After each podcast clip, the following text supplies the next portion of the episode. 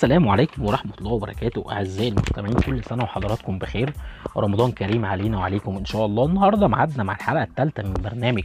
اسمع كورة واللي هنتناول فيه مشاركة المقاولين المتميزة في الدوري المصري وكأس مصر وتحقيقه لثالث بطولة أفريقية في تاريخ النادي بطولة كأس الكؤوس الأفريقية. ولكن قبل ما نبدأ ونركز مع جيل التسعينات اللي بنعتبره من أكثر الأجيال المهدور حقها في تاريخ الكورة المصرية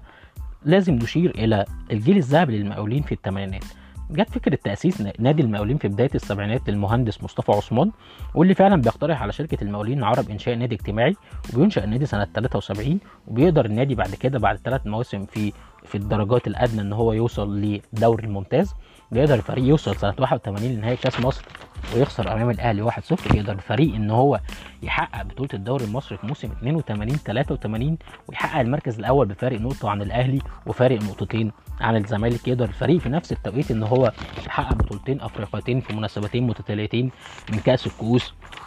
الأفريقية ويقدم لعيبة كبيرة جدا لمنتخب مصر ويقدم اثنين لعيبة أجانب من الطراز العالمي. على سبيل المثال اللعيبة المصريين اللي قدمهم المقاولين في الوقت ده كابتن حمدي نوح كابتن عبودة كابتن سعيد الششيني كابتن ناصر محمد علي كابتن علي شحاتة كابتن زمزم وغيرهم وغيرهم كتير. والحارس الأسطوري الكاميروني انطوان بيل واللي بيعتبر حارس القرن في أفريقيا. وعبد الرزاق كريم اللي بيقدر يحقق بطولة أفريقيا مع ال Black Stars سنة 78 وفي نفس السنة بيحقق عبد الرزاق كريم جائزة أحسن لاعب في أفريقيا. أما عن مقاولين التسعينات واللي هنحاول نركز عليه في الحلقة بتاعت النهارده بيبدأ المقاولين التسعينات بتحقيق بطولة كأس مصر سنة 90 بعد ما يفوز على منتخب السويس في النهائي 1-0 ولكن بيهبط المقاولين في السنة اللي بعديها سنة 92 ويرجع ويقدر يرجع تاني دوري الاضواء والشهرة بعدها بسنة في موسم 93 94 وفي تاني موسم للفريق بعد الصعود بيكسب كأس مصر بعد ما بيتغلب على غزل المحلة في النهائي 2-0 بهدفين لمصطفى صادق وأحمد نخله في موسم 95 96 بينهي الفريق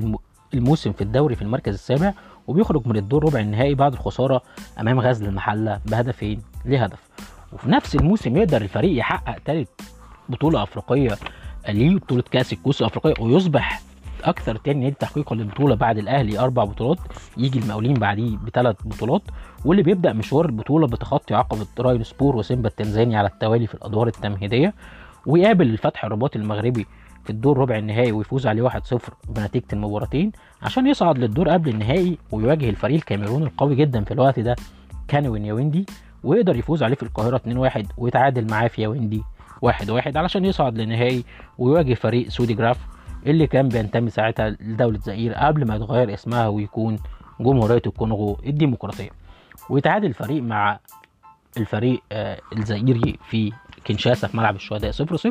ويقدر إن هو يكسب في القاهرة 4-0 بهدفين لنجم الفريق وهداف البطولة في الوقت ده. علي عاشور وهدفين لمحمد عودة وفي بداية موسم 96 97 بيخسر الفريق مباراة السوبر الأفريقية أمام الزمالك بطل دوري أبطال أفريقيا في الوقت ده بركلات الترجيح 4 2 بعد ما بيهدر على عاشور وسعد عبد الباقي ركلتي الترجيح المهدرتين من قبل من قبل آه نادي المقاولون العرب. وتعالوا مع بعض نفتكر أجواء المباراة اللي اللي أقيمت آه في آه فبراير يوم آه الجمعة سنة 97 واللي بدأها الزمالك بتشكيل مكون من حسين السيد في حراسة المرمى قدامه أشرف قاسم وحسام مرعي أسامة نبيه مدحت عبد الهادي وأمامهم محمد صبري إسماعيل يوسف طارق مصطفى خالد الغندور وأيمن منصور. أما المقاولين فمثلوا في تلك المباراة أحمد صابر في حراسة المرمى قدامه سعد عبد الباقي ليبرو قدامه أحمد سعيد مساك ومحمود العارف. أما في نص الملعب في الجبهة اليمنى واللي كانت جبهة نارية للمقاولين كان فيها اللاعب هيثم حسين ومصطفى عبد العزيز زيزو جنبهم في نص الملعب على الدايرة علي عاشور وفي الناحية اليسرى محمد عبد الفتاح كفتة ومحمد عودة وأمامهم تامر النحاس اللي بعد كده بيكون أشهر وكلاء اللاعبين الحاليين في مصر واللاعب الناشئ في الوقت ده مصطفى مرعي وبيخسر المقاولين زي ما قلنا بركلات الترجيح 4 2 وقدم مباراة قوية جدا وكان أكتر من ند للزمالك في هذه المباراة. في موسم 96 97 بينهي الفريق الدوري في المركز ال11 بعد صراع كبير على الهبوط وبيخسر في الدور الثاني من كأس مصر وبيودع البطولة أمام أسوان بعد الخسارة بهدف للا شيء.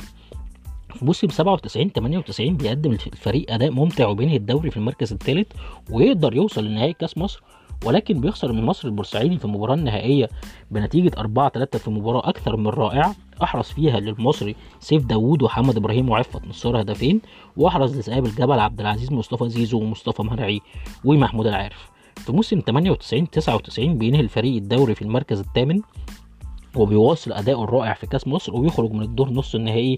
أمام شقيقه الأكبر الإسماعيلي بالخسارة 1-0 وفي موسم 99 2000 بيواصل الفريق الفريق أداؤه القوي على مستوى الدوري والكاس فينهي الدوري في المركز الخامس ويخسر نهائي الكاس أمام الإسماعيلي بنتيجة كبيرة 4-0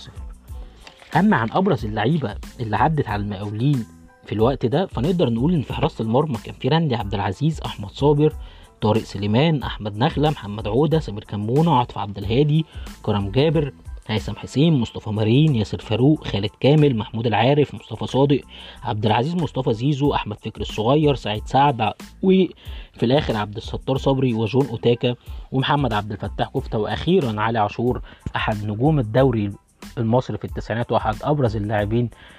في تاريخ الكرة المصرية واللي قدم أداء ثابت جدا طوال فترة التسعينات مع المقاولين وكان عامل مؤثر جدا في تتويج المقاولين ببطولة كأس مصر وتتويجه بالبطولة الأفريقية. بكده نكون نهينا الحلقة بتاعة النهاردة. انتظرونا بكرة هنكمل الجزء الثاني مع المقاولين وصولا اللي عمل المقاولين في الوقت ده. وفي النهاية أحب أشكر